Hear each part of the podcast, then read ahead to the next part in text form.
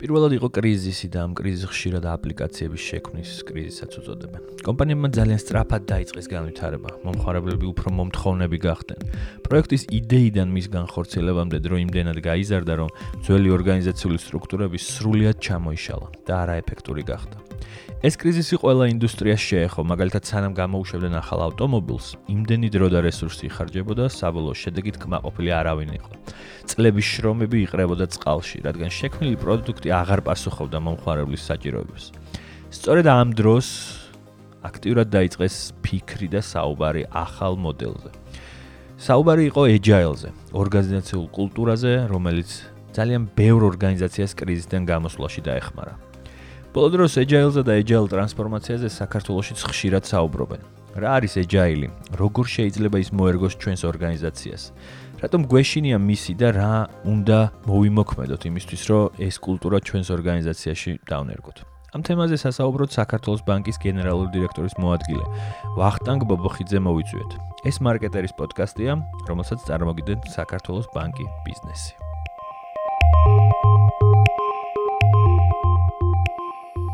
ვახ მოგესალმებით. მოგესალმებით. პირველი კითხვია იქნება, რომ საერთოდ სანამ agile-ზე დავიწყებდეთ საუბარს, რა არის agile და საიდან იღებს ის სათავეს, რომ სმენელისთვისაც გასაგები იყოს და შენ როგორც ვიცი, იცი ამ ყველაფრის ისტორია და რომ მოგვიყვა. თუ შეგიძლია. ხო, ანუ მოკლედ მარტივად რო ვთქვა, ეს ორი სიტყვით ეს არის მართვის მეთოდოლოგია. აჰა. რომელიც ანუ თავდაპირველად გამოიყენებოდა software development-ის პროცესის დროს და რეალურად ანუ ბევრი პატარა ესეთი არა ფორმალიზებული მეთოდოლოგიები პრინციპში საკმაოდ ადრე გამოჩნდა, მაგრამ არც ერთი არ იყო რაღაცა ესეთი ჩამოყალიბებული ერთიანი მიდგომა ან ერთი არის ერთიანი სტრუქტურა რა. და რეალურად ეს agile შეიძლება დავარქვათ, რომ სათავეს იღებს რაღაც ფორმალურად ცოტა უფრო მოგვიანებით 2001 წლიდან, როდესაც ეგრეთ წოდებული agile manifest-ი შეიქმნა, დაახლოებით 17 დეველოპერი შეიკრიბა, ესე ვთქვათ, ინოვაცი ინოვატორი ხალხი, რომლებსაც სურდა, რომ ის ღირებულებები და პრინციპები, რომელსაც თვლიდნენ, რომ მომავალი იყო, მოკლედ პროგრამული უზრუნველყოფის, ანუ software development-ში უნდათ, რომ ეს ჩამოეყალიბებინათ და ამისთვის მიეცათ რაღაც ერთიანი ფორმა. მაგრამ რეალურად, ესე ვთქვათ, სხვადასხვა ტიპის მეთოდოლოგიები, რომელიც ამ პრინციპებს ან იდეოლოგიებს ესე ვთქვათ ითვალისწინებდა. ესენი გაცილებით უფრო უფრო ადრე ანუ ზოგი და 60-იან წლებში ან 70-იან წლებშიც კი ხდება მაგრამ ეს იყო ან კონკრეტულ ორგანიზაციებში ან იყო შედარებით უფრო ფრაგმენტული და ამ შემდეგ. ანუ შეგვიძლია ვთქვათ რომ რაღაც სათავეს მოკლედ დაახლოებით 2001 წლიდან და რეალურად ანუ ცხადია რომ ხა ნებისმიერი მეთოდოლოგიის შექმნა, ნებისმიერ რაღაც პროცესის შექმნა რაღაც პრობლემას წყვეტს რა.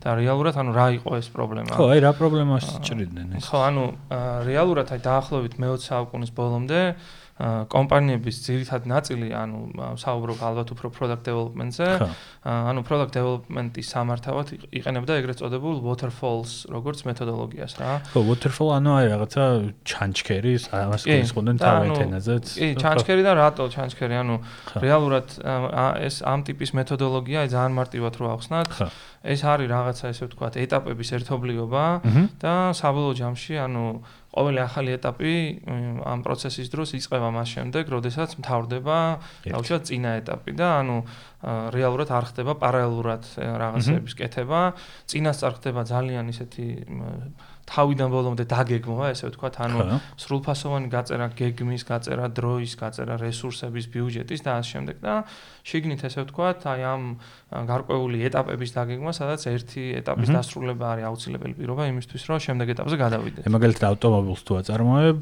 ჯერ უნდა შეიღებოს და სამ არ შეიღება, არავინ არ ამაგრებს საბურავს სიტყვაზე აი ახლობით დაახლოებით ესეთი იყო ანუ ადრე ამას ამბობ. მე? და რეალურად ანუ მას შემდეგ რაც ესე ვთქვათ კომპლექსური გახდა სამყარო კომპლექსური გახდა პროექტები ანუ მასშტაბი გაიზარდა და დავიწყეთ ესე ვთქვათ უფრო რთული პროექტების კეთება, უფრო დიდი სისტემების კეთება.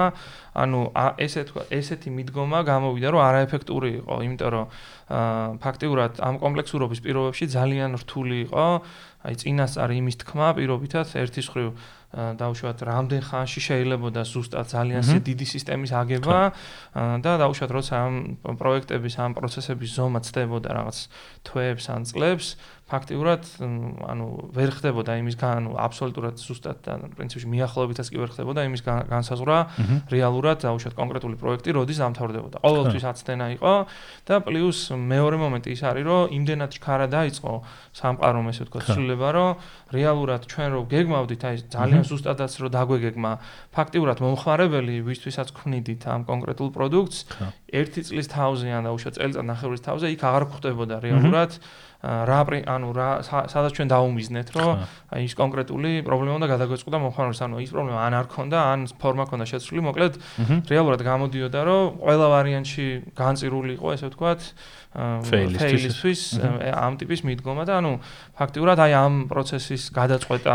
ერთ-ერთი ავტომწარმოებელი ყვება თავის იმაში რომ სანამ agile-ს დაუნერგავდითო 6 წელი გჭირდებოდა ერთი ავტომობილის საერთოდ კონცეფციის შემუშავება და გამოშვება და ეხლა ძალიან დაჩქარებულია მე მგონი ეს პროცესებიც. მოკლედ ეს იყო ანუ რაღაც დაიწყო ალბათ ამ waterfall-ით სადაც ყველა ელოდებოდა სანამ ერთი პროცესი არ მოჩერჩებოდა მეორე არ იწყებოდა. რა მოხდა მერე? ხო, ანუ მე მოკლედ აი ძირითადი რაღაცა პრინციპები რო განვიხილოთ, მოკლედ ანუ ანუ product development-ის ნაწილში ეს ეფუძნება ესე ვთქვათ, cross ფუნქციურ გუნდს, ანუ cross ფუნქციურ გუნდში გულისხმობ ადამიანების ერთობლიობას, რომელსაც სხვადასხვა როლები აქვს და ანუ რეალურად ეს თითეული ადამიანი კონკრეტული ერთი საქმისთვის საქმეზე არის კონკრეტულ ერთ საქმეზე არის პასუხისგებელი და საბოლოო ჯამში ესე ვთქვათ ეს კროსფუნქციური გუნდი არის გუნდი რომელსაც შეუძლია რომ end to end პროდუქტი დადოს. ანუ რეალურად არ ჭირდებათ დამატებით გარედან არავის ჩართულობა იმისთვის რომ ის მიზანი რაც აქვს დასახული მოკლედ ის მიზანი ბოლომდე გაიყვანონ.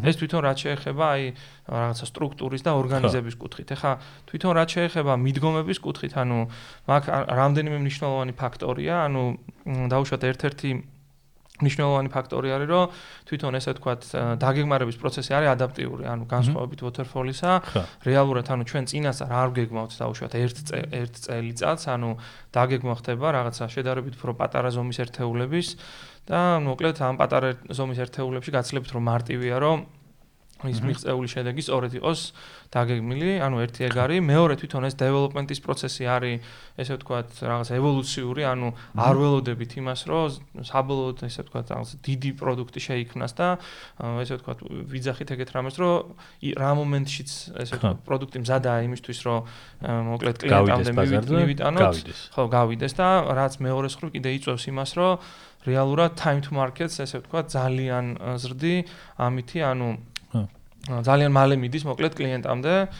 პლუს ეს ახლა შეიძლება ესე პირდაპირ რაღაც ღირებულებებში ცალკე ესე არ ეწეროს, მაგრამ ანუ ფაქტიურად ის პრინციპები, რაზეც ეს მეთოდოლოგია დაფუძნებული, ავტომატურად გულისხმობს იმას, რომ რაღაც customer centric მიდგომაა, მოკლედ მარტივად რო ვთქვა, იმიტომ რომ ამ პროცესში რეალურად customer-ი ყოველთვის ჩართული ყავს რა, ანუ თითეული იტერაციის შემდეგ მნიშვნელოვანია, რომ იმ მომენტში შეამოწმო რეალურად ეს ის არის, რაც მე რაც გინდოდა ამისთვის, რაც უნდა კონკრეტულ მომხმარებელს თუ ეს ის არ არის და ფაქტიურად იმის მიხედვით თუ ეს ის არ არის, adjustments ძალიან მარტივად ვაკეთებთ რა. და ანუ ერთი მნიშვნელოვანი პრინციპი არის კიდე რომ რეალურად თვითონ პროცესი არის, ესე ვთქვათ, მუდმივად განვითარებადი. ანუ რეალურად ამ პროცესში მონაწილე ხალხის ძირითად საქმიანობა თუ არის დაუშვათ პროდუქტის განვითარება, ამასთან ერთად თანხლების საქმიანობა არის თვითონ პროცესის განვითარება, რომ ეს მუდმივი ესე ვთქვათ ევოლუცია განიცადოს თვითონ პროცესმა. მაგრამ საბოლოო ჯამში ესე რომ ვთქვათ, ეჯაილი არის მაინც ღირებულებების და პრინციპების ერთობლიობა. და რეალურად უკვე ამის შემდეგ რაც ეს манифест გამოქვეყნდა პრინციპში უკვე დაიწყო ჩამოყალიბება სხვადასხვა ესე ვთქვათ, ეგრეთ წოდებულმა ფრეიმვორკებმა, რომელიც უკვე აღწერს კონკრეტულ წესებს ან კონკრეტულ პრინციპებს მუშაობის და ანუ ძალიან ბევრი არის მოკლედ ეგეთი ფრეიმვორკი, არის დაუშვათ Scrum-ი, Kanban-ი, Extreme Programming-ი, Scrum-ბანი, ანუ უამრავია. და თითოეულ ესე ვთქვათ ამ მეთოდოლოგიას თავის ნიშა აქვს, თავისი სეგმენტი აქვს, ანუ სხვადასხვა ტიპის პროცესების დროს გამოიყენებენ. თუ არსებობს ყველაზე პოპულარულიც არსებობს ამათ შორის, ეს ხო, პრინციპში ხო, Scrum-ი არის ალბათ ყველაზე პოპულარული და მსვენელისთვის ეს გასაგები რო იყოს Scrum-ის შემთხვევაში, რამე შემაჯამებელი ის ხო არა, იმიტომ მე როგორც ერთ-ერთი განმარტება მაქვს აკითხული, რომ Scrum-ის შემთხვევაში ანუ სვენელი რო არ დაიბნეს, უბრალოდ მეთოდოლოგიას ქვია ხა სკრამი, აქ არის რაღაც ობიექტივი, ანუ მიზანი, ვიდრე კონკრეტული დავალებები და ანუ გუნდმა იცის რაღაცა მიზნისკენ საით მივდივართ, რას ვაკეთებთ, ეს არის არ ვიცი ახალი ბოთლი თუ ახალი ავტომობილი თუ ახალი მობილური, ვიდრე ეს უნდა გააკეთო, ეს უნდა გააკეთო, ეს უნდა გააკეთო. ხო, აი შენ რა რა სიტყვი რა არის სკრამ მეთოდოლოგია? ანუ რეალურად აი მიზნის ესე ვთქვათ, ანუ ობიექტივის არსებობა მნიშვნელოვანი განსხვავებაა და ანუ მნიშვნელოვანი სიახლეა, თუნდაც იგივე waterfall-თან შედარებით, იმიტომ რომ რეალურად ანუ waterfall-ის პირობებში ანუ ადამიანები რომელიც ჩართული არიან პროცესში როგორც თქვით ის რაღაც ეტაპებისგან შედგება და თითოეულ ეტაპზე ის კეთებს რომ მე შევღებე და ანუ რა შევღებე არის ანუ waterfall-ში ფაქტობრივად თითოეულ ეტაპზე კონკრეტული ადამიანი იმ ეტაპის დასრულებაზეა პასუხისმგებელი. რაც შეეხება scrum-ში ანუ გუნდს მთლიანად ამ კროს-ფუნქციურ გუნდს აქვს ერთი მიზანი და რეალურად ამ მიზნის მისაღწევად შიგნით ესე ვთქვათ როლები ცოტა წაშლილია. ფაქტობრივად ანუ მთელი გუნდს ერთი მიზანი აქვს და ანუ ამ გუნდის მისაღწევად გუნდი ყველაფერს აკეთებს რა დაახლოებით. შენ ამბობდი რაღაცა მაგალით FBI მას გამოიყენა ხო? Agile რაღაც 2000 კი კი ანუ ერთი ერთი. ხო თუ როდის იყო ეს? ხო მაგ ცოტა ახლა უკან რო წავიდეთ პრინციპში აი პირველად რა ახლა scrum-ი როგორც ეგეთი ნახსენები იყო 1986 წლის სტატია, ეგეთი ანუ Harvard Business Reviews-ი, სადაც იყო რაღაც ესეთი the new new product development game, ეგეთი სტატია იყო და იქ მოკლედ ადარებდნენ აი შერკინებას და რაგბს, მოკლედ იქ როგორც ეს კროს-ფუნქციური თიმი რაღაცა ცდილობს რომ ერთი მიზნისკენ ერთი მიზანს მიაღწიოს და რაღაცა ისეთი იტერაციულად მიიწევენ წინ, ან იტერაციულად იხევენ უკან, ანუ ამ მეთოდოლოგიას იყო ესე ვთქვათ, შედარებული, ანუ თამაში იყო შედარებული ეს მეთოდოლოგია და რეალურად ანუ ძალიან დიდი ხნის განმავლობაში ხდებოდა ამ მეთოდოლოგიის განვითარება. სადღაც დაახლოებით 2002-ში ჩამოყალიბდა როგორც ისეთი სრულფასოვანი მეთოდოლოგია და პრინციპში ანუ ეს მეთოდოლოგია FBI-ში მოხდა 2010 წელს. ოკეი. იმიტომ რომ ხო და ანუ ახლა მას use case-ი რა იყო მაგ შემთხვევაში? ანუ ფაქტიურად 911-ის შემდეგ ანუ FBI-ში დაიწყო ძალიან დიდი ცვლილებები და ფაქტიურად ის სისტემები რაც იმ მომენტში გქონდათ, ანუ უნდათ რომ ყველა ყველაფერი შეეცვალათ, იმიტომ რომ ანუ როგორც მოკლედ თვითონ ესე ვთქვათ, სკრამ შემქმნელი ყובה იმ მომენტისთვის, აი 2010 წლისთვის, როდესაც თვითონ მივიდა ესე ვთქვათ FBI-ში, დაახლოებით იყო ეგეთი მდგომარეობა, რომ აი თითოეულ საქმეს აღრიცხავდნენ დაახლოებით ისე, როგორც 30 წლის წინ, ანუ ტექნოლოგიები საკმაოდ უკან იყო, მოკლედ მაგ მომენტისთვის, აი მარტივად რომ მოგიყვეთ, დაუშვათ კონკრეტული საქმე რომ ანუ ანუ გაელექტრონულობა რომ გაეკეთებინათ, ხდებოდა ამ საქმის Word-ში აკრება და ხდებოდა სამ ფიზიკურ კოპია დამობეჭდვა. ანუ ერთი კოპია მიდიოდა დასამოწმებლად approval-ზე, approval-ზე, ანუ მეორე კოპია ინახებოდა სადღაც არის არქივში და მესამე კოპიას იღებდა ის ადამიანი, ვინც ეს დოკუმენტი შექმნა და წითელი მარკერით ამ კოპიაში შიგნით ნიშნავდა ყველა იმ სიტყვას, რომელიც იყო მნიშვნელოვანი, რომელთაც უნდა მომხდარიყო მე ამ დოკუმენტის დაინდექსება რა, რომ მარტივად ხება ძიები ყოფილიყო. ანუ ძიებისთვის მარტივი ყოფილიყო და ანუ რეალურად ეხა 2010 წლისთვის FBI-ში ეგეთი მდგომარეობა ლაც ახარბიელო არ იყო მოკლედ რა. ოკეი და რა როგორ გადაჭრეს ეს? მოკლედ ამათ რომ დაუდგათ 2001-ში ეს პრობლემა, ანუ დაინცირეს პროექტი, რომელიც იყო სამწლიანი და ამ პროექტის ბიუჯეტი იყო დაახლოებით 170 მილიონი და მოკლედ 3 წლის თავზე მიხვდნენ, რომ ამ პროექტს ვერ აკეთებდნენ რა და ეს ფულის ფაქტურად წალში გადაყარეს. მე სადღაც 2005-ში დაინცირეს მეორე პროექტი, ანუ რომელიც უკვე აი წარმატებული უნდა ყოფილიყო. ანუ მაგ პროექტის ბიუჯეტი თუ არ ვთქვი იყო დაახლოებით 450 მილიონი და ანუ ეგ პროექტი უნდა დამთავრებულიყო 2009-ში. 2010-ში მიხვდნენ რომ ანუ სულაც იყო საქმე და ანუ გააკეთეს რაღაცა re-estimation-ი რა და აღმოჩნდა რომ ესე იგი 6-8 წელი დაჭirdებოდათ კიდე. რომ გაიგოთ ეს რაღაცა იზამთრებს და დაახლოებით 350 მილიონი ზევიდან კიდე დამატებითი ბიუჯეტი ანუ 450 მილიონი დახარჯული ქონდათ უკვე რა და დაახლოებით მაგ დროს 2010-ში მოკლედ მიიყვანეს ასე ვთქვათ ეს ჯეფ სალეროლენდი თანაავტორი ამ სკრამის რომ მოკლედ ხო რომ იქნება რაიმე შეგვეცვლება ახლად მისული ჯეფი ხალხს რო რა რა ხო ანუ პირველ რიგში მოთხოვა რაღაც მთელი დოკუმენტაცია ანუ ესე ეგრეთ წოდებული requirement-ები რაც ქონდათ რომ ესენი მოეტანათ და რაღაცა ლამის ერთი ოთახი გაავსო მოკლედ ამ დოკუმენტაციამ რაც მანამდე ქონდათ ეს გეგმები და ამ შემდეგ შექმნილი და ანუ რეალურად ეს ფაქტიურად გვერდზე გადადეს თავიდან ბოლომდე და ის მიდგომები რითაც მანამდე მუშაობდნენ, ანუ აი რაღაცა ხდებოდა ფაქტიურად 3 წლიანი ან 5 წლიანი პროექტის დაგეგმა, ეგ შეცვალეს და ესე ვთქვათ, გადაალაგეს მთელი ეს თიმი, რომელიც ამ პროდუქტის ესე ვთქვათ, პროდუქტის აა დეველოპმენტში მონაწილეობდა, რაღაცა შედარებით უფრო მცირე ზომის კროს-ფუნქციურ გუნდებად და აიღეს დაახლოებით პატარა ორკვირიანი, სამკვირიანი ინტერვალები, როდესაც რაღაცა აი ინკრემენტით დაიწყეს მოკლედ ამ ესე ვთქვათ პროცესის კეთება, რასაც ძალიან დიდი ეფექტი ჰქონდა. ანუ საბოლოო ჯამში კომიტმენტი აიღეს დაახლოებით წელიწადსა და რამდენიმე თვეზე, მაგრამ საბოლოოდ დაახლოებით ანუ 2012 წელს მორჩა ეს პროექტი, ანუ სრულად გაეშვა მოკლედ ახალი სისტემა, რომელიც ფაქტურად ყველა ბიზნეს პროცესს ფარავდა. და ანუ ფაქტიურად რაღაც ეს FBI-ის შემთხვევაში პროცესს უფრო ბიზნეს. ხო ანუ რეალურად პროცესს დაახლოებით ეგეთი use case იყო. პრინციპში ესე თქვა ეს ჯეფ სადერლენდი ძალიან ბევრ კომპანიაში მონაწილეობდა ანუ ბევრი მაგალითები არსებობს. ხო სადაც ნერ მიდიოდა და ნერ გადას მიდიოდა და ანუ ესე ამ კომპანიაში დანერგვასთან ერთად თვითონ ამ მეთოდოლოგიასაც უფრო მეტად ხვეწდა, რა დამატებითი ელემენტები შექონდა, აკეთებდა მასშტაბირებას და ასე შემდეგ რა. ხო. და ანუ მე ისე გამოვიდა, რომ რეალურად ეხლა დროთა განმავლობაში ზოგადად ამ ყველა agile მეთოდოლოგიამ, რომელიც თავიდან ძირითადად software development-ზე იყო მორგებული, ანუ მასშტაბირება განიცადა და ეხლა ფაქტიურად ყველა ტექნოლოგიური გიგანტი Facebook-ი, Google-ი ესე შემდეგ არის ანუ ამ პრინციპით მუშაობს. ანუ თუნდაც ახლა ფინანსურ სექტორში ძალიან დიდი ბუმია და ეგრეთ წოდებულ agile ტრანსფორმაციას ეძახიან, რომელსაც ფაქტიურად ყველა ბანკი ან ფინანსური ინსტიტუტი აკეთებს. ანუ გამოიყენება რა სხვადასხვა ტიპის product development-ში არ არის აუცილებელი რომ software development-ი იყოს, თუნდაც გაყიდვების პროცესში გაუკეთეს ადაპტაცია, ანუ მოკლედ ძალიან ბევრ ადგილას პოვა, მოკლედ განვითარება ამ პროცესმა და ძალიან საინტერესო შედეგები აქვს მოკლედ სხვა მიმართულებითაც. იცი რა მაინტერესებს ისევ აი მსმენელისთვის რომ ეს ყველაფერი იყოს კიდე უფრო გასაგები.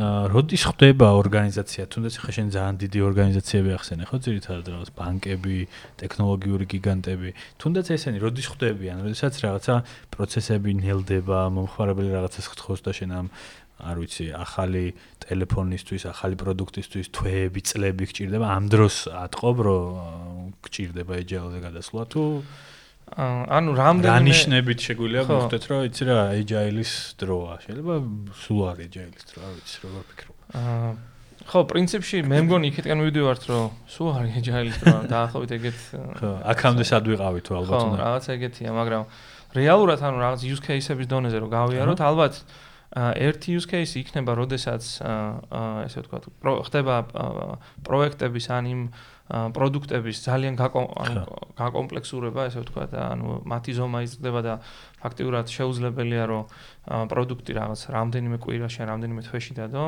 ანუ ერთი use case-ია. მეორეა, როდესაც თვითონ ორგანიზაცია მასშტაბირდება, იმიტომ რომ დაუშვათ ორგანიზაციის ზრდის პირობებში ძალიან ძნელი ეფექტურობის შენარჩუნება რა. და ანუ ფაქტიურად გამოდის რომ პირობითად თუ წფრივად იზრდები რეალურად ისე გამოდის რომ წფრივადაც კი ვერ ინარჩუნებ მოკლედ ეფექტურობას. ანუ ხალხის დამატებასთან ერთად იზრდება მოკლედ კომპლექსურობა კომუნიკაციაში მით უმეტეს როდესაც ეს რაღაც დაალაგებული არის ეტაპებად ხო აილებს უგზავნიან ერთმანეთს დეპარტამენტი რა ბიუროკრატია არის ინექშენ მოკლედ მაგ დროს ანუ მნიშვნელოვანია.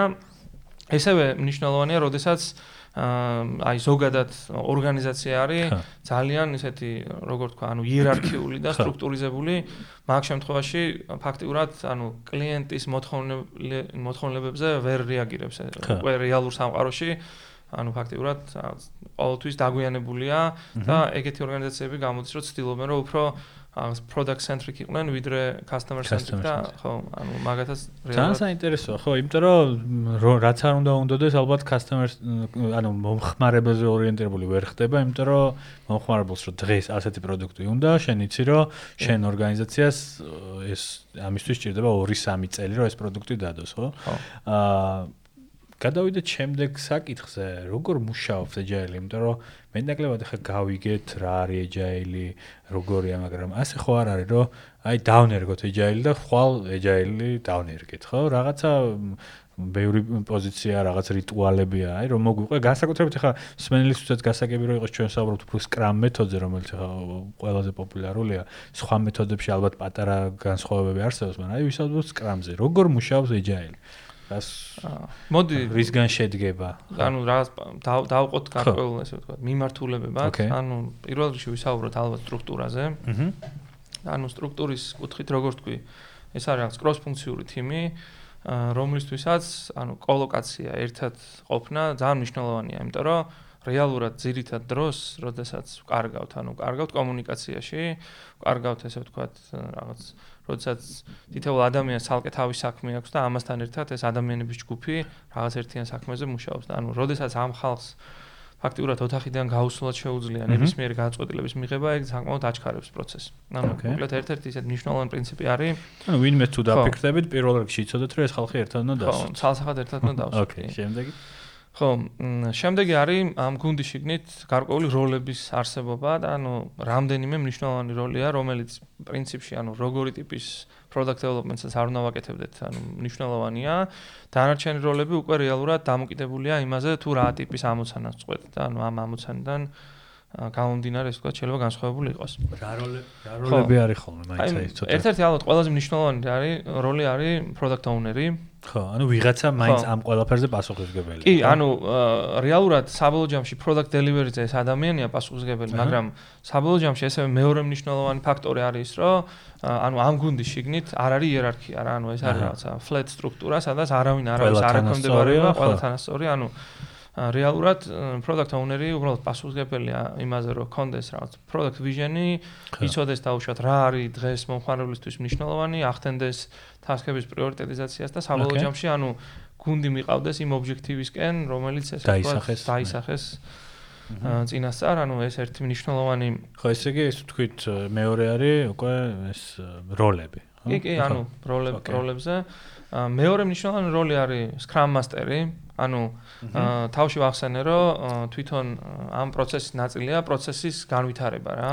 და რეალურად ეს არის ადამიანი, რომელიც ფაქტიურად პროცესის ფასილიტაციას აკეთებს. ანუ ეხმარება გუნდს, რომ ყველა ის წინააღმდეგობა, რაც გუნდს აქვს, ანუ ამ წინააღმდეგობების გადალახვაში დაეხმაროს.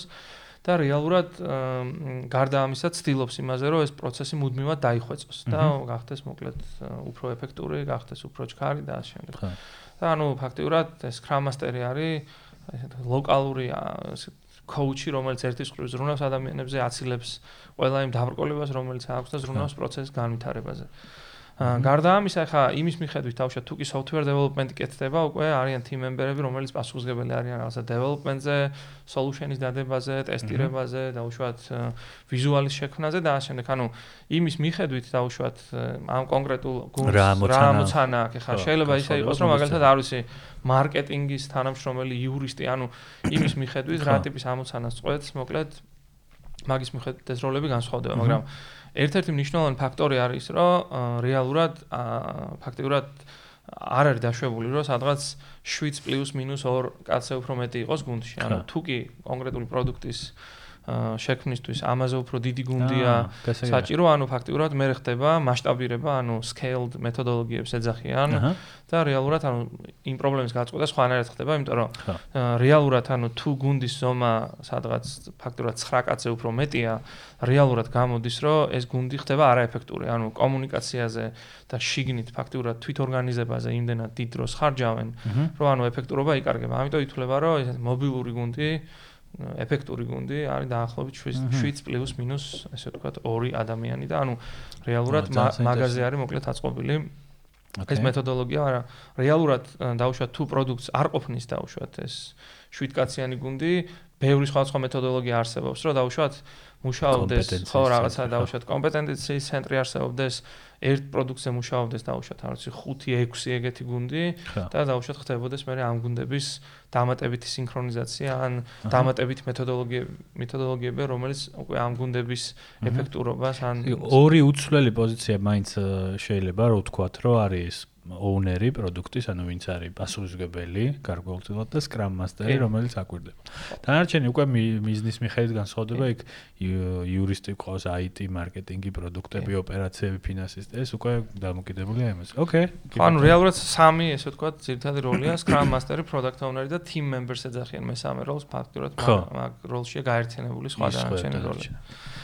ხო ანუ ალბათ შემ შემ ახლა უნდა ვისაუბროთ პროცესზე, იმიტომ რომ ეს პროცესები ძალიან მნიშვნელოვანია და ანუ პროცესი რაღაც რიტუალურ პროცესს ხო ანუ როგორ მუშაობს მე ეს კი ანუ შეგვიძლია ვთქვათ რომ დაახლოებით ისეთ დიდი მასშტაბის ორგანიზაციაში ან პრინციპში მასშტაბს ალბათ გადამწყვეტი მნიშვნელობა არ აქვს ანუ კარგია თუ კი დაახლოებით სამი სხვადასხვა ლეველის პროცესი არსებობს რა. ოკეი და ანუ ამ level-ებს დავარქვათ, ანუ პირველს რა strategic level, მეორეს quarterly და მესამეს daily. ხა. ანუ strategic level-ზე level-ში რას გულისხმობ? ანუ ძალიან მნიშვნელოვანია, რომ ეს გუნდები ან ეს ხალხი რას აკეთებს, ეს ძალიან კარგად იყოს, ასე ვთქვათ, გასწორებული aligned თვითონ ორგანიზაციის სტრატეგიასთან, ორგანიზაციის ძირითად მიზნებთან და ასე შემდეგ. ანუ შესაბამისად გარკვეული პერიოდულობით მოკლედ ეს alignment-ი ძალიან მნიშვნელოვანია ორგანიზაციულ დონეზე, ამიტომ ანუ შეიძლება დავუშვათ თქვა, რომ წელიწადში ერთხელ ის რომ მოხდეს დავუშვათ შემდეგი ერთი წლის ობიექტივების დაგეგმა თვითონ ორგანიზაციისთვის და მე მოხდეს ამ ობიექტივების დაკავშირება, ანუ ეგ როგორ ითარგმნება დავუშვათ ამ კონკრეტული Scrum გუნდისთვის, ანუ ერთი ეგეთი ძალიან ისეთი high level ცერემონია აუცილებლად ჩატარდეს, ხო? ანუ იმიტომ რომ ფაქტურად თუ ეგ არ ხდება, ეგ ნიშნავს რომ ერთის ხრივ დავუშვათ კომპანიის მენეჯმენტი ცოტა ჩახსნილია იმ პროცესს, რაც აქეთ მიმდინარეობს და მეორე ხრივ ამათაც არ აქვს მოკლედ ხედვა რა ხდება თვითონ ორგანიზაციაში და როგორც თავში ვახსენეთ, ეს არის რაღაც objective აა driven მიდგომა და არ არის task driven და ძალიან მნიშვნელოვანია რომ მოკლედ ამ გუნდებმა იცოდნენ მენეჯმენტის საიტმის, ხო? და ანუ და ეს რაღაცა რო წარმოვიდგინოთ, ანუ ხა სმენელმაც რო წარმოვიდგინოთ, რაღაცა დიდ შეხვედრას აწყობს, სადაც ტოპ მენეჯმენტი ამ გუნდებს უზიარებს, რომ აი მეგობრებო, აქეთ მივდივართ, ეს გეგმები გვაქვს, ეს ამბიციები გვაქვს და უკვე გუნდები მე თვითონ ამ ყველაფერს თარგმნიან თავის ყოველდღიურობაში, ოკეი? და ანუ თითეული ფაქტიურად იმ strategic theme-ისთვის ან objective-ისთვის, რომელიც კომპანიის ესე ვთქვათ level-ზე არსებობს, ხდება ფაქტიურად რაღაცა ეგრეთ წოდებული key result-ების დადგენა, ანუ იმ გაზომვადის ხო, აი რითი როგორ მივხვდებით, რომ ამ მიზანს მივახციეთ რა, დაახლოებით ამ დაახლოებით ეგეთი განსაზღვრა ხდება ამ level-ზე. ამის შემდეგ დავუშვათ, როდესაც მოხდება ესეთი ყოველწლიური დაგეგმა, რეალურად შემდეგი level-ის პროცესი არის quarterly planning-ი, ანუ როდესაც ხდება ანუ ამ დიდი მიზნების ფაქტიურად კვარტლებად დანაწილება და გადახედო ხო სწორად ანუ აი თითეული კვარტლის ობიექტივის ასე ვთქვათ განსაზღვრა იმიტომ რომ თუ დაავტოვებთ ესე ვთქვათ ისე წლიან ობიექტივს გამოვა რომ დაახლოებით waterfalls დაემსგავსება ანუ ერთი წლის თავზე რას მივახცევ ანუ მაგას უმიზნებ პირდაპირ რა.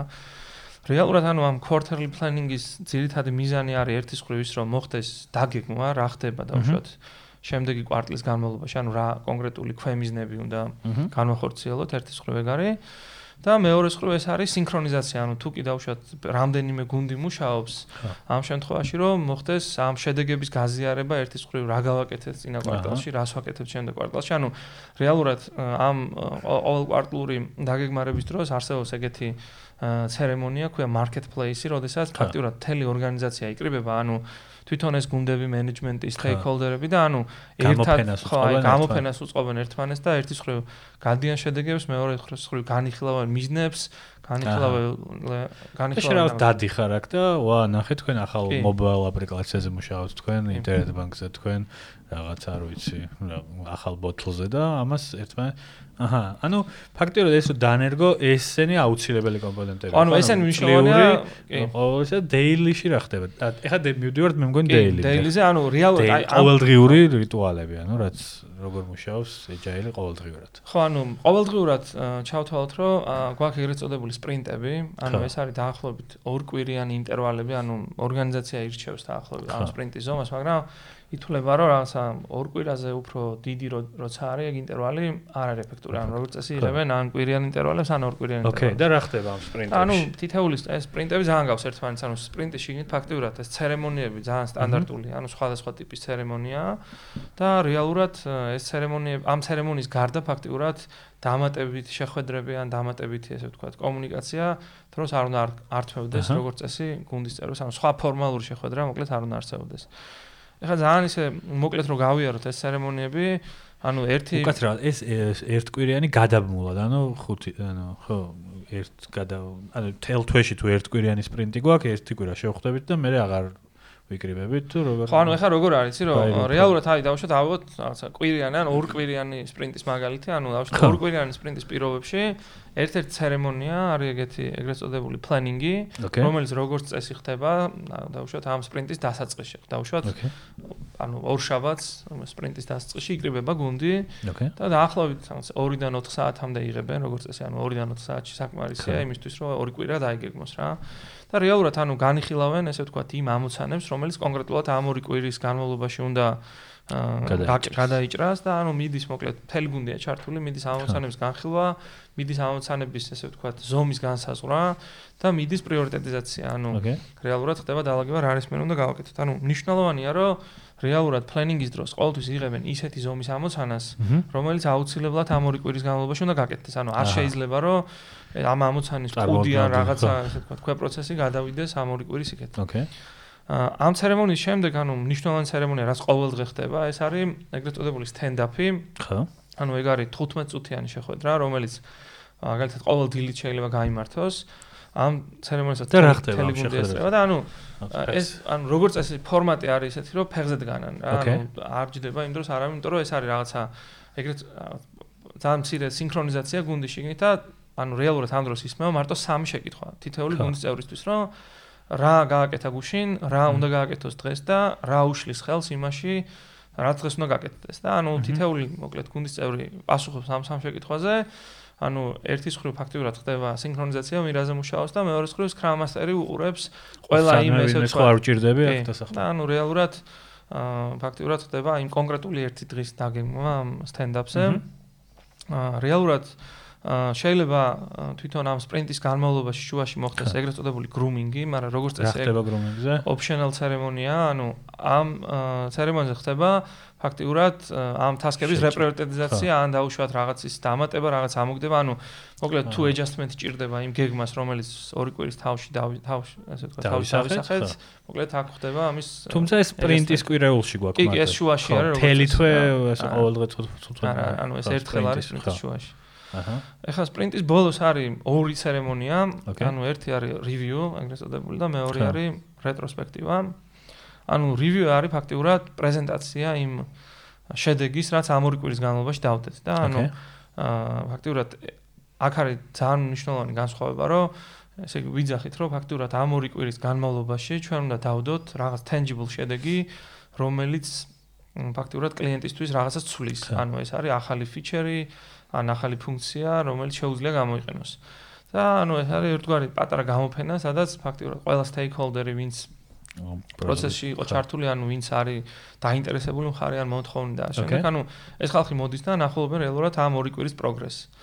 თვითონ ეს ორკვირიანი დანაწილება და მათ შორის აი ამ stakeholder-ების, თუნდაც კლიენტების ჩართულობა ამ ორი კვირის თავზე, იმაში რაც გაკეთდა, ანუ ძალიან მნიშვნელოვნად ამცირებს რისკებს, ანუ თუ ისე გამოდის რომ ჩვენ არასწორი მიმართულებით მივდივართ მალე იგებთ ხო ანუ ორი კვირის თავზე ხვდებით რომ არასწორი მიმართულებით წავედით და ხუთი წლის მერე. ამიტომ ესე თქვა იძახიან რომ არის fail fast-ი ანუ ძალიან მალე ხვდებით თუ რამე არასწორად გავაკეთე.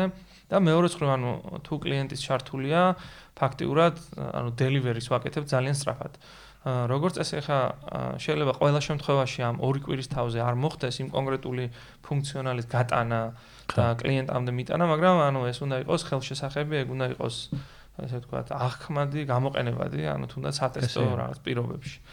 და ეს ბოლო ცერემონია არის რეტროსპექტივა. აჰა.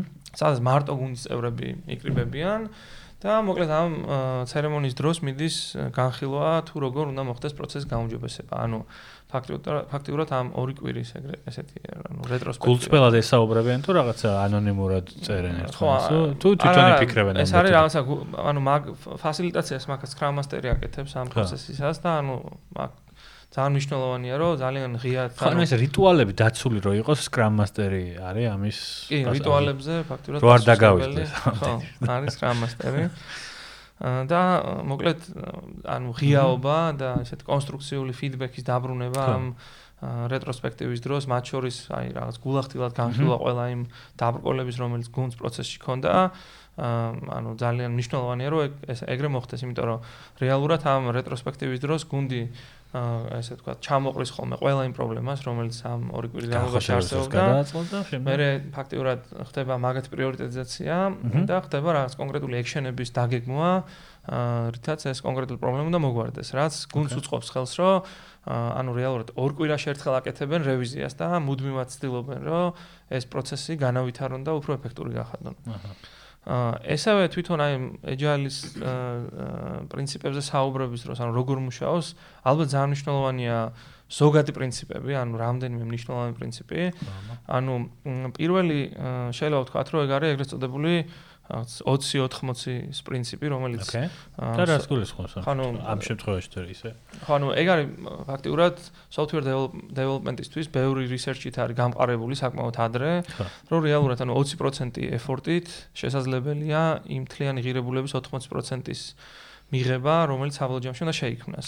და რეალურად ახლა როდესაც რაღაცას აკეთებ waterfall-ით, ეგ იმას ნიშნავს, რომ ფაქტიურად ელოდები მთლიანად ანუ 100% დროის გასვლას იმისთვის, რომ შედეგი დადო, მაგრამ ამ შემთხვევაში შეიძლება რომ დაახლოებით მეხუთედ დროში უხეშად რო ვთქვათ, მიიღო 80% იმ შედეგისა, რისი მიღებაც გინდოდა და მე რეალურად ის ცალკე გადაწყვეტილებაა, რომ იმ დანარჩენი 80%-ის დახარჯვა გვიღირს თუ არა, იმ დანარჩენი 20% ესე ვთქვათ ღირებულების მისაღება და ანუ რეალურად ამიტომაც გამოდის რომ თუ მოკლედ ამ პრინციპს გუნდი კარგად იცავს გამოდის რომ კლიენტისთვის ყველაზე მეტად ღირებული რაც არის ძალიან მალე ვახდენთ მოკლედ შესაბამისი ესე ვთქვათ რეაგირებას და უცხოდ ავიღე გავაგდოთ ბაზე ნახოთ მეორე მნიშვნელოვანი პრინციპი არის ეგრეთ წოდებული what and how ეგრე ქვია. რა ხდება მან? ხო, ანუ ზოგადად აი product development-ის პროცესში არის ეგეთი პრობლემას დავარქმევდი, რომ რეალურად, როდესაც პროდუქტი იქმნება, არსებობს ორი მხარე რა, ანუ ხარ რომელიც პროდუქტს ქმნის და მე ხარ რომელიც პროდუქტს ყიდის. და ვინც პროდუქტს ყიდის, როგორც წესი მოკლედ აქვს ყოველთვის ეგეთი სურვილი, რომ რაღაცნაირად პროდუქტს ჩაერიოს. და ანუ გადაწყვიტოს, როგორი უნდა იყოს პროდუქტი, იმიტომ რომ მე არ მკითხეს თორე. ხო, ანუ აი კლიენტებთან შეხება მაქვს, ამ პროდუქტს მე ვყიდი, აბა ჩემზე უკვე რა გენაღლებათ და. და ხო ეგეთი. მე რა, ამას აგვარებს ეს? ხო, ანუ რეალურად ეგ რას იწევს, რომ რადგანაც ამ გაყიდვების ნაწილში ძალიან დიდი შეხება აქვს პროდუქტთან. ანუ ძალიან უჭირთ მე განსხვავება იმისა, რომ ერთის მხრივ მოიტანონ პრობლემა და მეორეს მხრივ მოიტანონ ამ პრობლემის თავისებური გადაწყვეტა. ანუ როგორც წესი მოდიან არა პრობლემით, არამედ თავისებური გადაწყვეტით. ხა ეს თავისებური გადაწყვეტით მოსვლა ავტომატურად გამოდის, რომ უკვე ზღუდავს იმ ადამიანებს, ვინც პროდუქტზე მუშაობს რა, იმიტომ რომ ვიღაცა მოსულა და ხო, კონკრეტულად ეუბნება, რომ აი რაღაცა ესეთი პასტა მინდა და ანუ იქ რეალურად რაღაცა შემოქმედ ხო, შემოქმედებისთვის აღარ რჩება არანაირი რუმი. და ამიტომ ეგ აი ესე ვთქვათ, ეგეთ წყალგამყოფს აკეთებს, რომ ერთის ხრივ, როდესაც ხდება დაუშვათ მოთხოვნების ჩამოყალიბება, იქ უნდა იყოს ძირთად აღწერილი რა უნდათ, ანუ რა უნდა გაკეთდეს და რა პრობლემაა რეალურად და უკვე პროდუქტის გუნდს ეძლევა ფაქტიურად სრული თავისუფლება იმაზე, რომ როგორ გადაჭრის, ხოხდეს ამის გადაჭრა და ანუ ეს ძალიან ეფექტურს ხდის, მოკლედ პროცესს. პროცესს. და ანუ ესე მესამე ძირითადი პრინციპი შეიძლება იყოს ამ პროცესში კლიენტის ჩართულობა. იმიტომ რომ რეალურად თუ კი დაუშვათ აქვს ორგანიზაციას იმის საშუალება რომ თუნდაც აი რევიუზე ყავდეს პატარა კლიენტების ჯგუფი ტესტერები ხო რაღაცა გარე ჯგუფი რომელიც ჩართული იქნება ამ პროცესში ანუ ეს ძალიან დაეხმარება იმაში, რომ ერთის ხრო ეს ხალხი გახდეს ამბასადორი. ძალიან ემატებათ მოკლედ мотивация მოხარებლებს, როდესაც გრძნობენ თავს, რომ ისინი არიან მათაც კითხეს აზრი. პროდუქტის შექმნის მონაწილე და მათი აზრი გაიზიარეს და შემდეგ. ანუ ფაქტიურად გამორიცხულია, რომ კლიენტის მოლოდინებს აცდე მაგ მოცემულობით, ამიტომ კლიენტის ჩართულობა ამ პროცესში ძალიან მნიშვნელოვანია. და ესე ბოლო ნაწილი შეიძლება ვთქვათ, რომ არის ტექნოლოგიები, ანუ ეს ცვლილებები არ არის მარტო ორგანიზაციული ცვლილება, ან პროცესის ცვლილება, ანუ საბოლოო ჯამში აი დაწყებული რაღაც collaboration tool-ებიდან, რასაც იყენებს თვითონ ეს გუნდი, დამთავრებული თვითონ არქიტექტურით, რასაც ჯამურად ორგანიზაცია იყენებს სამ პროდუქტის კლიენტ ისთვის მისაწოდებლად. ანუ ამაშიც რეგულაციები ხო მზად უნდა იყოს რა. აი ძალიან მარტივ მაგალითზე რას ნიშნავს ეს რაღაცა? ანუ ძალიან მარტივ მაგალითზე აი დაახლოებით რო წარმოვიდგინოთ, ანუ თუ კი სტანდარტულად ორგანიზაცია ოპერირებს მეილებით, ხო, უნდა გადავიდეს რაღაცა. ხო, ანუ ამ შემთხვევაში გუნდი ოპერირებს Slack-ზე და Trello-ზე და Asana-ზე და Microsoft Project-ზე. ანუ არის არის რაღაც ჩათვალე რომ პატარა სოციალური ქსელი ამ გუნდისთვის უნდა იყოს ძალიან მოქნილი, უნდა იყოს ძალიან პირდაპირი, ანუ რეალურად ყველანაირ ფორმალობა გუნდის შიგნით კომუნიკაციებისთვის უნდა იყოს ჩახსნილი და ეფექტურობისთვის მარტო მეილი არ იყოფა მოკლედ. ხო. გასაგები. ეგ ერთი ნაწილია თვითონ აი კომუნიკაციის ნაწილში და მეორე ნაწილია თვითონ როგორ თქვა აი არქიტექტურა იმ პროდუქტის რომელსაც აკეთებ ეს არქიტექტურა უნდა იყოს agile ანუ უნდა იყოს მოდულარული უნდა იყოს რაღაცა ნაწილებად დაშლადი თითეული ნაწილი ცალკე განვითარებადი ანუ მოკლედ IT სფეროში ეძახენ ეგრეთ წოდებული მონოლითურ სისტემებს, ანუ მონოლითური სისტემის ეგრე განვითარება საკმაოდ რთულია. და ამიტომ ეხა ეგეც შეიძლება ერთ დღეში ვერ მოხდეს, მაგრამ ფაქტიურად სისტემების ადაპტაცია ხდება ნელ-ნელა პროცესზე, რომ მისცეს მოკლედ პროდუქტმა, სისტემამ საშუალება გულს, რომ ვიღაცა რაღაც მოიფიქრა, ეს ადულად ინტეგრირდეს, სწორად გავიგე? აჰა. აა, ვიცი რა, საქართველოს ბანკმა ეხა რისთვისაც აა დიდი მადლობა შენ იმიტომ რომ გვაინტერესებს კონკრეტულად საქართველოს ბანკის მაგალითი, იმიტომ რომ ეს ერთი არის რომ ახლა რაც მოუყევით ისტორია, ვინ როგორ იყენებს რა ტექნოლოგია, მაგრამ თქვენც ხა ბევრ ამაში გამოგიყენებიათ, მაგრამ ერთი რამე კონკრეტული მაგალითი და ისეთი რაც შეიძლება ყველა ვიცოდეთ agile-მა რა ქნა, მოკლედ საქართველოს ბანკში და რაღაც კონკრეტულ მაგალითი რა რა შეიძლება ალბათ საქართველოს ბანკისთვის ეჯალმა რა ქნა, ეგეთ პროექტი არის M-ბანკი, ანუ ჩვენი მობილური ბანკის აპლიკაცია. ოკეი. რომელიც აი თავიდანვე მოკლედ ამ მეთოდოლოგიით დავიწყეთ და ეხლა საკმაოდ დიდი გუნდი მუშაობს, რომელიც ასე ვთქვათ, მოწინავე გუნდია ამ მიმართულებით და ეგ დაგვეხმარა იმაში, რომ ერთის ხრივ ანუ ეს ძალიან მალე მიგვეწოდებინა ბაზრისთვის ეს განახლებული აპლიკაცია და მეორეს ხრივ ეხლა დაახლოებით ვახერხებთ, რომ ორ კვირაში ერთხელ მოვახდინოთ ამ აპლიკაციის აპდეიტი, ანუ ფაქტიურად ძალიან სწრაფად ხდება მოკლედ ამ პროდუქტის განვითარება და ვცდილობთ, რომ მაქსიმალურად ესე ვთქვათ, მორგებული იყოს მომხმარებლების მოთხოვნებზე, ანუ ხო.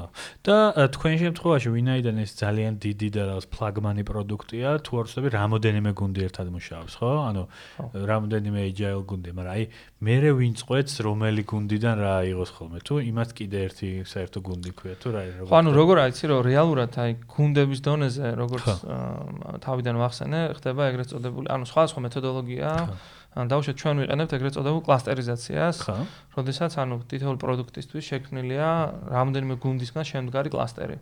და ანუ თუ თითოეულ გუნდს ყავს თავის product owner-ი, კლასტერს ყავს ესე ვთქვათ cluster product owner-ი, ანუ ადამიანი ვინც ჯამურად უყურებს მოკლედ ამ პროდუქტის განვითარებას და რეალურად ანუ არსებობს უკვე ის დამატებით ცერემონიები და ახლობით ისეთივე როგორც აი ცერემონიების ნაწილში მოვყევი, რომელიც უკვე უზრუნველყოფს იმ გუნდების ერთმანეთთან სინქრონიზაციას, მათი მიზნების, დამოკიდებულებების, პრობლემების და ასე შემდეგ, მაგრამ რეალურად ეს cluster product owner-ი უყურებს ჯამურად site-მის პროდუქტი, ანუ როგორ ვითარდება. და ისე უფრო ცხადი მაგალითი რომ მოვყვანოთ, ინტერნეტ ბანკ შენი აზრით, აი ესე ძალიან ზედაპირული შეფასებით, ძველი მოდელზე რო ყოფილიყავით, ძველი მეთოდოლოგიით რო გემუშავოთ, დაახლოებით რა ვადა დაჭirdებოდა და ეხა რა ვადაში გამოუშვეთ უკვე ბაზარზე. ხო ანუ უხეშად აი აი დაახლოებით ალბათ 12 14 თვე ხდებოდა ხოლმე დეველოპმენტი როცა ვიღებდით ახალ პლატფორმას და ანუ ამ 14 თვის თავზე რასაც ვაკეთებდით ხოლმე არაზროს არ იყო ის რაც მოკლედ იმ მომენტში მომხარებლებს სჭირდებოდა ანუ ამ შემთხვევაში დაახლოებით MVP-ს გასაშვებად 6 თვე დაგვჭირდა იმიტომ რომ ჩვენთან ესე ვთქვათ გარკვეულად ჩვენ თვითონ შევიზღუდეთ თავი. ანუ გვინდოდა რომ ყველა ის ფუნქცია ყოფილიყო შიგნით რაც მობილური ბანკის წინა ვერსიაში არსებობდა და ეს რაღაცნაირად ისეთი იყო დამატებით შეზღუდვა იყო, მაგრამ რეალურად რაღაც ნულიდან რო აკეთებდე, ანუ წინ რო პროდუქტი არ არსებობდეს, ალბათ რა სამ თვეში დადებდი პირველად პროდუქტს კლიენტისთვის და მე რეალურად ამ პროდუქტს დახვე დახვეწავდი რა იმიტომ რომ ეხლა იგივე mobile bank-ის მაგალითზე რო აიღო ანუ ძალიან გამოყენებადობის კუთხით მაგალითად გადახდების ნაწილს, გადარიცხვების ნაწილს, ანუ თვითონ ინფორმაციის, აი ბალანსების რაღაცა დათვალიერებს და ანუ ეს არის ყველაზე ხშირად გამოყენებადი ფუნქციები და ანუ თუ მაგის ანალიზს სწორედ მოახდენ, ძალიან მარტივად მიხვდები რომ რეალურად მომხმარებელს რაც პასურს იმის 80% შეგიძლია რაღაც მეხუთე დროში მიაწოდო. ძალიან საინტერესოა და ერთი თემა რაც დარწმუნებული ვარ ჩვენი სმენელიც დაფიქრდა იმ ეს ცოტა რთულად ჟღერს რა გულსფელი რო ვიყო რომ აი ეს პროცესები არსებობს. კი შეიძლება კარგი სკრამ მასტერი შეგვხვდეს რომელიც გვახსენებს რომ დღეს ვიკრებებით ხა რაღაცა ასე უნდა ვქნათ ისე უნდა მაგრამ ძირითადად რა შეცდომები და პრობლემებს ეჯახებით იმიტომ რომ განსაკუთრებით ორგანიზაციებში სადაც თქვენნაირ ორგანიზაციაში ბევრ ქართულ ორგანიზაციებში სადაც ადამიანები წლებია მუშაობენ წლებია რაღაც პროცესებს არიან ხო მიჩვეული რომ მეილს გზავნი ბორდები იკრიბება რაღაც კომიტეტები არსებობს და უცბად შენ და შენი თანამოაზრეების თავში ჩდება იდეა რომ იცი რომ ჩვენთვის ეჯაილის დროა. რას გადააწყდით? არ იყო იქ რაღაც კულტურული და პროცესებთან ბრძოლები რომ არა ეს ჩვენთან არის მუშაობს აი რა რა მოკლედ იმ ადამიანებს მინდა გავაფრთხილოთ რომ ვინც იტყვის რომ ეჯაილ რას უნდა მოელოდნენ რა წინააღმდეგობას შეეჯახებიან. ხო ანუ აი სტატისტიკურადაც რო ავიღოთ ხა ანუ ეს რიცხვები ესეთი პაბლიკ არის და შეგიძლიათ ნახოთ ანუ ძირითადი ესე ვთქვათ წარუმატებლობის მიზეზი შეიძლება იყოს ერთი დაუშვათ მენეჯმენტის ესე ვთქვათ ამ პროცესში არ ჩართულობა. ანუ თუ რაღაც ორგანიზაციის რაღაც ნაწილში ხდება და ანუ მენეჯმენტი არ არის კომიტედ რომ ეს ცვლილება გააკეთოს და მეორე ცხრა ალბათ როგორც შენახსენე ეგ არის ძალიან დიდი კულტურული ცვლილება ანუ როცა ორგანიზაცია იწყებს ამის კეთებას ყოველთვის აქვთ მოლოდინი რომ უბრალოდ სტრუქტურას ცვლიან ამ პროცესებს ცვლიან ამ ტექნოლოგიებს ცვლიან მაგრამ რეალურად ეს და ყველაფერი ცხადია რომ ნაწილია საბოლოო ჯამში მაგრამ მაინც გამოდის რომ ეგ არის კომპანიისთვის დიდი კულტურული ცვლილება. რაც როგორც წესი რაღაცა ვერ ხდება ერთ დღეში ანუ ისე არ გამოდის რომ ერთ საღამოს სახლს გადავწყვეტ ეჯაილი ყალდილით ეჯაილი ეჯაილი ასე რომ ანუ მაგ დროს ძალიან მნიშვნელოვანია რომ დაუშვათ ერთის ხრი მოხდეს წინასწარ ძალიან სუსტად იდენტიფიკაცია რეალურად რა პრობლემას წყვეტს ორგანიზაცია და ალბათ კომუნიკაცია რა მოხდება და რომ აი ეგ რაღაცნაირად პრობლემა იყოს იდენტიფიცირებული, პრობლემა იყოს გაზომილი და რეალურად ამცვლების მერე რაღაც tangible იყოს ის შედეგი რომელიც ამცლება მოიტანა. ხო. ხო, ან მე კიდე ერთი, ხო, იცი რა არის კიდე ერთი, რასაც ხშირად უკავშირებენ ხოლმე არის, რომ თითქოს ამ agile-ის დროს სამსახურებს კარგავთ რაღაც ახალი პოზიციები იქნება. ING-ის кейსი არსებობს თუ არ ვცდები, რომელიც თუ შეგიძლია როგორც ხო, ანუ ING ფაქტიურად რა საბანკო სფეროში ყველაზე წარმატებული кейსია. ხო.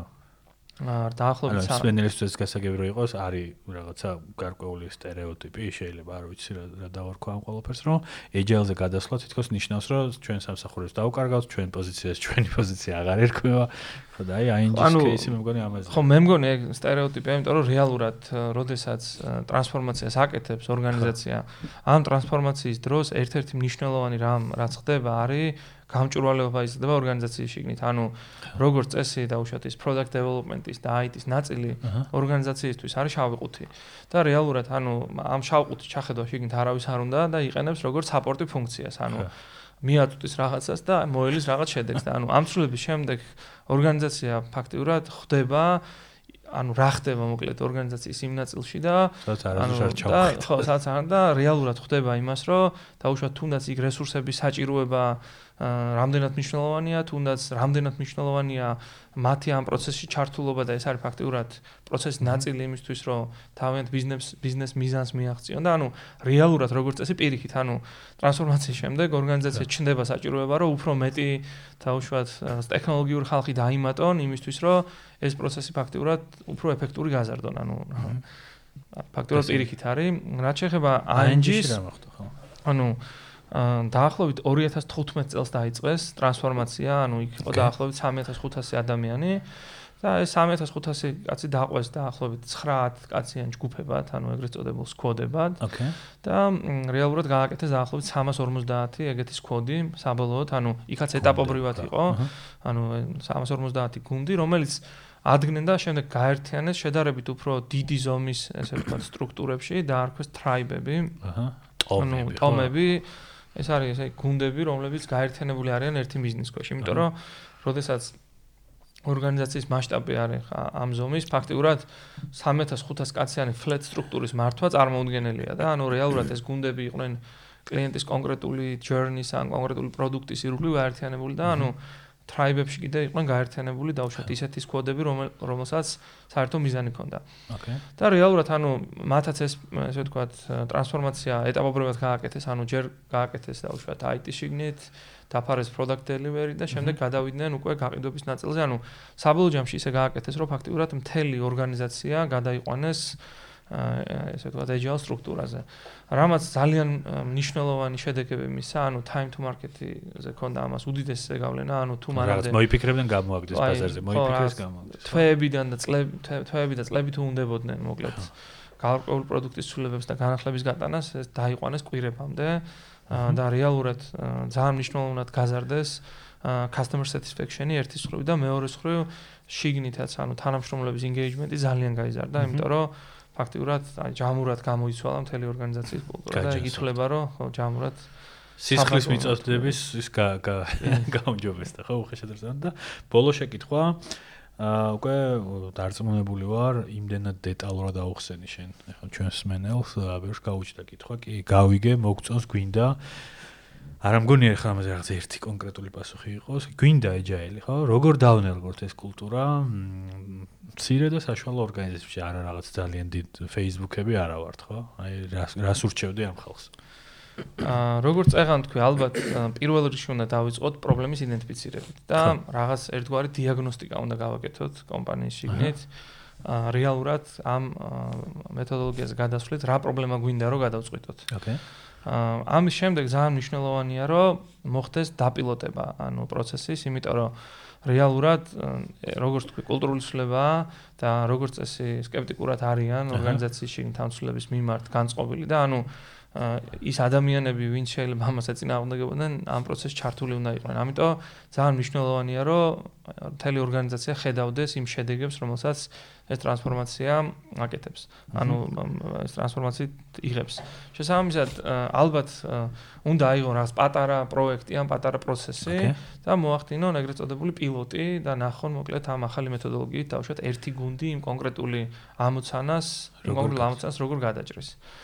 ამის შემდეგ ძალიან მნიშვნელოვანია რომ მოხდეს დაუშვათ ორგანიზაციის რაღაცნაირად დაყოფა, დაუშვათ ორგანიზაციის რა ნაწილზე გვინდა რომ ჩვენ ეს ტრანსფორმაცია გავარცელოთ, იმიტომ რომ თუ ხდება ფაქტიურად ორგანიზაციის მთლიანად გაიჯაილება, ეგ არ არის მარტივი პროცესი, ანუ როგორც წესი ამ დროს ჯობია რომ ეს მარტო არ გავაკეთოთ და თუნდაც დავიხმაროთ გარედან რომელიმე საკონსულტაციო კომპანია ან დაუშვათ ავიყვანოთ ისეთ გამოცდილი agile coach-ები, იმიტომ რომ როგორც თქვი, დაუშვათ ეს ტრანსფორმაციის პროცესი product development-ის ნაწილში სხვანაირად მუშაობს, operation-ში სხვანაირად მუშაობს, გაყიდვებში სხვანაირად მუშაობს, ანუ დაწყებული მეთოდოლოგიებიდან, დამთავრებული პრინციპებით, ცერემონიებით განსხვავდება ერთმანეთისგან და ანუ თუ ესე ვთქვათ, ყველაფერს მიუდგებით ერთი და იგივე მიდგომით, დიდი ალბათობით, ანუ არ იმუშავებს კლიან ორგანიზაციაზე, ანუ უნდა ვნახოთ ორგანიზაციის ერთ ნაწილზე ჯერ, უნდა დავრწმუნდეთ, რომ ეს ნაწილი შევცვალეთ, და ასე ვთქვათ, ავამუშავეთ და იქ ეფექტი მივიღეთ და ამის შემდეგ უნდა დავიწყოთ ფიქრი უკვე მასშტაბირებაზე. აჰა, გასაგებია. და ანუ ძალიან მნიშვნელოვანია, რომ თვითონ ამ პროცესის დროს აა ყველაფერი, რასაც ვაკეთებთ, ეს იყოს გაზომვადი რა. ანუ აა ყველა გადაწყვეტილება უნდა იყოს data driven, უნდა გქონდეს უნდა ჩამოვაყალიბოთ გარკვეული KPI-ები, რითაც ვზომავთ ჩვენ წარმატებას და ანუ მაქსიმალურად ვეცადოთ ეს ამ შემთხვევაში აი თუ ორგანიზაცია საშუალო მცირე ორგანიზაცია მეჯაილ და გადაიყვანა ერთი მიმართულება, ხო? აა ამ წარმატება წარმატებლობას თავად ეს გუნდი ზომავს თუ უკვე მენეჯმენტი იტოვებს ამის ფუნქციას, რომ რაღაც შეკრიბოს და უთხრას, რომ იცი, კარგად მიდიხარ, ცუდად მიდიხარ, როგორ ხო, ანუ მაგ შეგვიძლია დავყოთ, ანუ პრინციპში ორივეა რა, ანუ ერთი მხრივ წარმოადგენენ თქვენს რა. იმიტომ რომ ერთი მხრივ როგორც თქვით, თუნდაც strategic planning-ის დროს აა იმ ობიექტივებზე ხდება მიბმა ამ გუნდების შედეგების, რომელიც ორგანიზაციას გააჩნია და ანუ მენეჯმენტ შეუძლია ძალიან მარტივად დაინახოს, თუნდაც ის შედეგები რამდენად დაიდო რაც დაიგეგმა და უშუალოდ ამ გუნდებისთვის. მეორე მხრივ ძალიან ბევრი საზომი არსებობს თვითონ გუნდის შიგნით, ანუ მაგალითად იზომება პროცესი, იზომება თუნდაც ორი კვირის განმავლობაში რა სამუშაოებით შევასრულე, ესე ვთქვათ, ეს სამუშაოები რა რა ზომის აღარ შეტყობილი velocity გუნდის რომელიცაც ფაქტიურად რაღაც დროის მუშაობის შემდეგ აბსოლუტურად ზუსტად შეგიძლია განსაზღვრო და უშუალოდ შემდეგ ორ კვირაში რამდენ ამოცანას ან რამდენ task-ს გაატარებს ეგ გუნდი. ამიტომ მაგ პროცესი ან საზომი არის ძალიან ბევრი, ანუ შედეგის საზომი, პროცესის საზომი, ან თუნდაც აი ტექნოლოგიური საზომები, ხარისხის და ამ შემდეგ. და რო შევაჯამოთ შენი გამოცდილებით, იმიტომ რომ უკვე გარკვეული გამოცდილება გაქვთ agile და agile-ებულ ორგანიზაციაში მუშაობის, ეს პროცესები რამდენად ჯდება ადამიანის ყოველდღიურობაში? თუ ყოველდღე ახსენებს შენ თავს, აი რაღაც ველოსიპედს თავიდან სწავლობ და რო ახსენები ხარ წაიქცე, არ წაიქცე, ეგრე ხარ. თუ უკვე შენთვის პრინციპში ეს რაღაც ცხოვრების სტილი გახდა და უკვე ზუსტად იცი ეს ყველაფერი თუ მაინც გჭირდება ხოლმე ვიღაც. შემხსენებელი ახლა. ხო, ანუ რადგან უნდა გაგვეზომა თუ რაღაცა რადგან ფაქტიურად ყოველდღიურ ქცევას ცვლით თანამშრომლებისას, ანუ პრინციპებს ცვლით, ცხადია რომ ეს ერთ დღეში არ ხდება და გარკვეული დრო ჭირდება ადაპტაციას, ანუ აი ძალიან ზოგადად რო ავიღოთ, ითვლება რომ ანუ სადღაც პირველი 3 თვის განმავლობაში შეიძლება პერფორმანსი ცოტა ქვემოთ წამოვიდეს საერთო გუნდის, მაგრამ აი დაახლოებით 3-დან 6 თვემდე ინტერვალში გუნდი უბრუნდება ესე ვთქვათ პირველად პერფორმანსს და იწევს მოკლედ ამ პერფორმანსის ზრდას და ანუ დაახლოებით იგივე პერიოდია იმისთვის რომ რაღაცა ეს მექანიკურიდან ეს ცერემონიები და ეს ქცევა გადავიდეს ბუნებრივში და დაახლოებით ეგეთ პერიოდში. ძალიან კარგი. მოკლედ მეგობრებო, ჩვენ ვისაუბრეთ agile-ზე, ჩვენი მე მგონი ყველაფერი ძალიან დეტალურად იყო. ძალიან დიდი მადლობა მინდა უთხრა ახლა ეს ძალიან საინტერესო და გულწრფელი საუბრისთვის. დღევანდელი ჩვენი სტუმარი იყო საქართველოს ბანკის დირექტორის მოადგილე ვახტანგ ბობოხიძე. ეს მარკეტერის პოდკასტია, რომელსაც საქართველოს ბანკი ბიზნესი წარმოგიდგენთ.